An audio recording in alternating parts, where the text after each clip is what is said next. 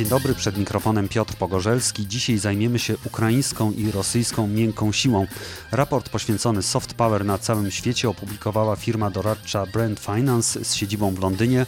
Łączymy się z Konradem Jagodzińskim, dyrektorem do spraw marek narodowych właśnie tej firmy. Dzień dobry. Dzień dobry, dziękuję za zaproszenie. Zanim przejdziemy do rozmowy o tym, y, które miejsca zajmują Rosja i Ukraina, bo na tych krajach się skupimy, ustalmy, jak określali Państwo miękką siłę poszczególnych krajów, na podstawie jakich cech? Global Soft Power Index, czyli e, nasze e, studium miękkiej siły na całym świecie, e, opiera się na trzech podstawowych wskaźnikach rozpoznawalności marki narodowej, e, wpływu danego kraju na to, co dzieje się w innych krajach na świecie i ogólnej reputacji takiego kraju e, na arenie międzynarodowej.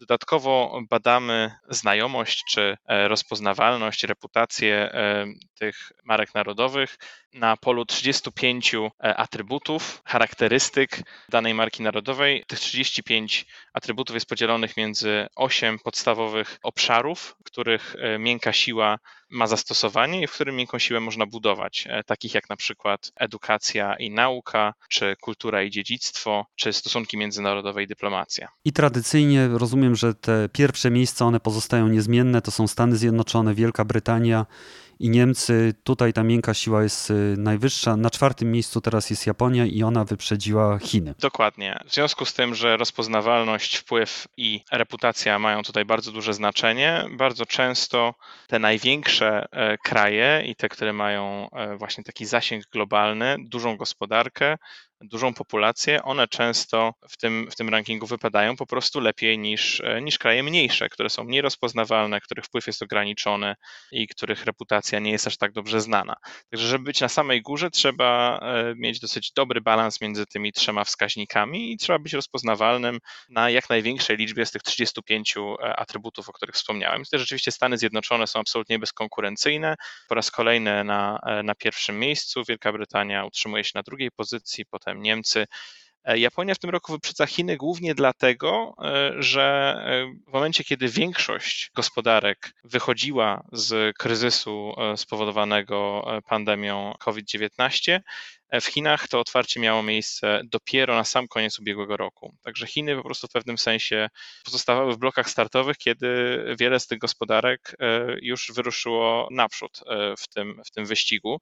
Dlatego też ich miękka siła w tym roku wzrasta mniej niż na przykład ta, którą, którą ma Japonia, czy też inne kraje w rankingu i w związku z tym spada o jedno miejsce. Przejdźmy już do tych krajów, które nas najbardziej interesują. Może zacznijmy od Rosji, dlatego że ona była w pierwszej dziesiątce była na miejscu dziewiątym jeszcze w poprzednim rankingu, teraz zajęła miejsce 13 to jest spadek o 4 miejsca i to jest chyba jedyne państwo, które straciło w tym rankingu. Dokładnie. Tak jak wspomniałem, ubiegły rok był dosyć szczególny w związku z tym, że większość marek narodowych rozpoczęła na nowo swoje akcje promocyjne, marketingowe, jeśli chodzi o kwestie turystyki, czy handlu, czy inwestycji, pozyskiwania talentu. W związku z tym, że, że świat się otworzył po pandemii COVID-19, w zasadzie wszystkie marki narodowe w rankingu w tym roku odnotowują troszkę wyższy wynik, e, jeden mniejszy, drugi większy, ale wszyscy rzeczywiście zyskują na miękkiej sile w tym roku, poza właśnie Rosją. Dlaczego wszyscy zyskują? E, dlatego, że to nasze badanie jest oparte wyłącznie na e, badaniu rynku. To są opinie respondentów. Po prostu respondenci są, to, to jest po prostu reprezentatywna próba badawcza z 100 tysięcy ludzi w 100 rynkach na całym świecie, w 100 krajach na całym świecie te osoby, które odpowiadają na pytania e, naszej, naszej ankiecie, oni po prostu teraz znowu e, w 2000, pod koniec 2022 roku, kiedy to badanie było, było przeprowadzane, oni znowu mieli okazję w międzyczasie pojechać na wakacje, znowu mieli okazję kupować e, produkty z zagranicznych producentów, wszystko to, czego, czego w pandemii nie mogli robić i w związku z tym mają po prostu więcej do czynienia z markami narodowymi innych państw poza, poza ich własnym. No tutaj Rosja rzeczywiście jest przypadkiem absolutnie absolutnie szczególnym e, z oczywistych powodów, ze względu na ich agresję w stosunku do niepodległej Ukrainy. I to jest oczywiście przez respondentów na całym świecie zauważone. Głównym powodem dla spadku Rosji w rankingu jest spadek reputacji Rosji.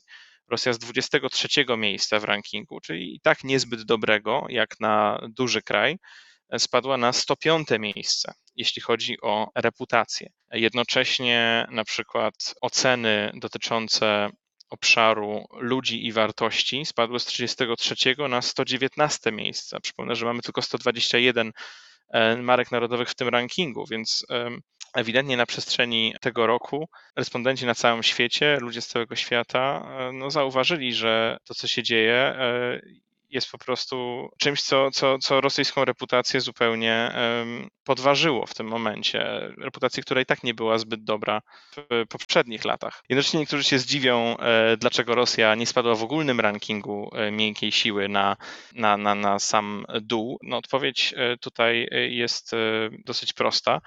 Mianowicie jest to kwestia tego, że mierzymy również właśnie rozpoznawalność tej marki i jej wpływ na inne kraje, i w tych dwóch dziedzinach akurat Rosja zwiększyła swój wynik. E, oczywiście nie z żadnych dobrych powodów, prawda, tylko właśnie oczywiście z powodu tego, że zaatakowała inny kraj, natomiast no nie ulega wątpliwości, że wpływ tego, co się dzieje w Rosji na to, co się dzieje gdzie indziej jest w tym momencie ogromny. Mamy E, kryzys energetyczny, w niektórych krajach kryzys dostępu do żywności, inflację. No to wszystko jest pokłosie właśnie rosyjskiej agresji na e, niepodległą Ukrainę. Poza tym, tak jak mówiłem, badamy rozpoznawalność marek narodowych, jeśli chodzi o tych 35 różnych e, poszczególnych atrybutów. I tutaj, tak jak jeśli chodzi właśnie o ludzi i wartości, to rzeczywiście Rosja w tych rankingach spadła, ale na, na innych przestrzeniach te spadki albo były mniejsze, albo, albo w ogóle tak naprawdę ich, ich nie było. Jeśli chodzi o na przykład edukację i naukę, to tam e, Rosja pozostaje w pierwszej piątce na świecie. Także to, że Rosja zaatakowała Ukrainę, jednocześnie nie podważa wyników Rosji na tym polu naukowym i edukacyjnym. Zresztą działanie tej rosyjskiej miękkiej siły w tej kwestii możemy dalej obserwować. W ubiegłym tygodniu jeden z rosyjskich kosmonautów został zabrany przez e, rakietę SpaceX, ale sponsorowaną przez NASA na Międzynarodową Stację Kosmiczną, prawda? Więc te, te kwestie na przykład eksploracji kosmosu to jest coś, w czym Rosja dalej uczestniczy. A pan tutaj używał takiego wyrażenia, że na całym świecie spadła e, reputacja Rosji. Czy państwo, czy pan ma może wgląd dokładniejszy, jeżeli chodzi o regiony? Dlatego, że Moskwa lubi, władze rosyjskie lubią podkreślać, że to nie jest tak, że cały świat jest przeciwko nam. Są takie kraje, takie regiony, jak na przykład część Azji, czy Afryki, czy Ameryka Południowa, gdzie nasze działania spotykają się ze zrozumieniem. Czy moglibyśmy też na podstawie Państwa badania wyróżnić takie regiony? Tak, zdecydowanie. E, ta reputacja spadła wszędzie, ale w niektórych regionach świata spadła tylko odrobinę, a w innych e, spadła no, na łeb na szyję. E, w Europie w tym momencie Rosja ma najgorszą reputację ze wszystkich krajów na świecie. E, ale już na przykład w Azji e, to jest to wiele bardziej zniuansowane. E, w Azji w ubiegłym roku reputacja Rosji plasowała się na dziewiątym miejscu na całym świecie. W tym roku jest na 38 miejscu. To wcale nie jest zły wynik, prawda? On nie jest aż tak tragiczny jak, jak w Europie, ale też, też, też nie jest wcale najgorszy. I tutaj różnice są jeszcze na przestrzeni poszczególnych krajów. W Chinach Rosja ma trzecią najlepszą reputację na świecie. W Indiach 16 e, reputację na świecie. Także są kraje, gdzie ta reputacja Rosji wcale aż tak bardzo nie, e, nie została e, zniszczona przez tą całą sytuację międzynarodową, którą Rosja sama wytworzyła tak naprawdę atakując Ukrainę. Optyka, jak dobrze wiemy, wygląda zupełnie różnie w różnych krajach świata w Chinach czy w Indiach, to jak i władze, i media, i przez to również ludność e, widzi te kwestie jest zupełnie inna od tego, e, jak to jest widziane w Europie, w Ameryce czy na przykład w Japonii. Japonia jest e, tak naprawdę jeszcze, jeszcze większym jastrzębiem niż, niż Stany Zjednoczone, Wielka Brytania czy, czy Europa i tam reputacja Rosji jest absolutnie najgorsza na całym świecie. Przejdźmy teraz do Ukrainy, bo tutaj mamy zupełnie odwrotny trend. To jest 37 miejsce wśród najbardziej wpływowych krajów świata. Rok temu to było 50 Pierwsze miejsce jest to największy skok y, w Państwa rankingu. Rozumiem, że głównie tutaj rosła rozpoznawalność y, i też być może trochę reputacja. Rzeczywiście Ukraina odnotowuje największy przyrost miękkiej siły w tym roku w naszym rankingu, ponad 10 na 100 możliwych e, punktów i, e, i to właśnie plasują na 37 miejscu w rankingu w ogóle. Dokładnie, najwięcej Ukraina zyskała na e, rozpoznawalności e, marki narodowej, teraz jest 15 na świecie. W tej kwestii e, jej wpływ również ogromnie się powiększył, 19 miejsce na świecie. Nie ulega wątpliwości, że to, co dzieje się na Ukrainie, ma wpływ na to, co dzieje się wszędzie na świecie, ale również działania ukraińskiego rządu przynoszą znakomite rezultaty, jeśli chodzi o mobilizację sojuszników w obronie Ukrainy. Jeśli chodzi o samą reputację, to ona odrobinę co prawda wzrosła, ale ta różnica tam e, nie jest aż tak duża, jeśli chodzi o globalne ujęcie. Reputacja Ukrainy rosła globalnie minimalnie z 70 na 68 miejsce na świecie, ale na przykład jeżeli weźmiemy pod uwagę Europę, to jest już wyższy skok, 44 miejsce na świecie, w Ameryce Północnej 35 miejsce na świecie. Także po prostu tutaj również w zależności od tego, czy dany kraj e, wspiera Ukrainę czy Rosję w tym konflikcie, e, to również te percepcje, oceny respondentów będą się różniły. Natomiast Ukraina odnotowuje również duży przyrost, jeśli chodzi o rozmaite e, atrybuty spośród tych 35, o których, o których wcześniej wspomniałem. E, I to, co ciekawe, są głównie te atrybuty związane z tym, co, co ukraiński rząd komunikuje wokół, e, wokół tego konfliktu. Czyli na przykład e, ludzie na całym świecie doceniają to, że Ukraina jest w stanie bardzo szybko przyjmować nowe technologie, które przychodzą do niej z, od zachodnich sojuszników. Tutaj jest wzrost o 26 pozycji w międzynarodowym rankingu, jeśli chodzi o atrybut lider w technologii i innowacji. Również jeśli chodzi na przykład o tolerancję, tutaj e, Ukraina e, odnotowuje ogromny skok ze 107 na 44 miejsce na świecie. Jak wiemy, Rosja e, tłumaczy, że jednych, jednym z powodów agresji na, na, na Ukrainę jest jest próba przywrócenia e, rosyjskiego e, porządku i konserwatywnych wartości. Tutaj Ukraina bardzo twardo obstaje przy tolerancji wobec wszystkich mniejszości e, w ich kraju. I no, takim naturalnym atrybutem, gdzie Ukraina zyskuje, jest uwaga medialna.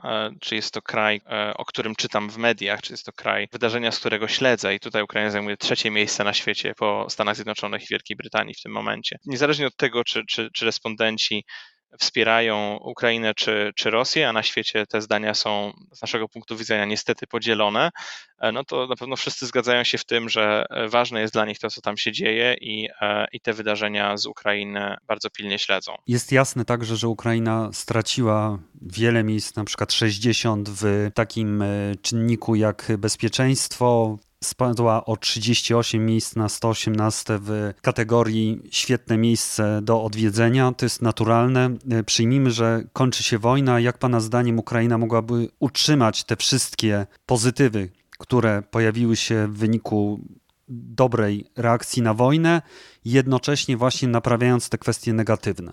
Oczywiście e, te ruchy w rankingach to, to nie jest to, co w tym momencie dla Ukrainy jest e, ważne. Ukraina teraz skupia się na obronie swojej niepodległości. Natomiast e, po zakończeniu tej wojny, po pokoju, który, jak wszyscy mamy nadzieję, zakończy się dla Ukrainy zwycięstwem, będzie mogła przekuć tą rozpoznawalność, którą uzyskała, no nie prosząc o to oczywiście, ale uzyskała jednak w czasie tego konfliktu, będzie mogła przekuć ten wpływ E, na odbudowę kraju. E, I to jest bardzo istotne. Bardzo szybko jakby te, te, te, percepcje dotyczące tego, czy Ukraina jest ciekawym miejscem do odwiedzenia, czy Ukraina jest ciekawym miejscem do inwestowania, e, mogą się zmienić. W ciągu tego ostatniego roku zobaczyliśmy, że Ukraina po prostu dokonała e, cudu, jeśli chodzi o mobilizację tego międzynarodowego, międzynarodowego wsparcia. Po prostu daje nam wszystkim lekcję, jak wykorzystać miękką siłę, żeby wesprzeć e, swoją twardą siłę, siłę militarną w walce z agresorem. Nie mam wątpliwości, że kiedy ta wojna się zakończy, a tak naprawdę już Ukraina podejmuje działania w kierunku przygotowania odbudowy po e, podpisaniu pokoju, mobilizuje różne kraje europejskie, różne kraje zachodnie, do tego, aby przygotowywały już pomoc w odbudowywaniu kraju, do tego, aby umożliwić im inwestycje w regionach szczególnie tych najbardziej dotkniętych konfliktem.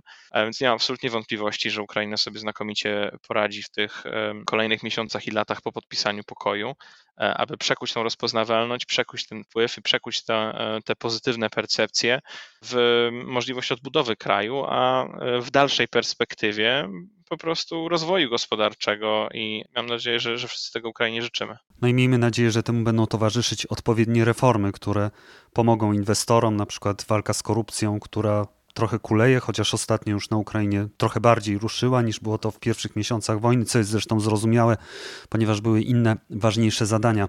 Konrad Jagodziński, dyrektor do spraw marek narodowych firmy doradczej Brand Finance. Bardzo panu dziękuję. Dziękuję serdecznie za rozmowę. Ja przypominam, że podcast Po prostu Wschód można wesprzeć na zrzutce i Patronite. Zachęcam też do zajrzenia na profile na Facebooku i Instagramie oraz na mój prywatny na Twitterze, a także na Spotify, gdzie można posłuchać muzyki w Radiu Wschód. Do usłyszenia, żegna się Piotr Pogorzelski.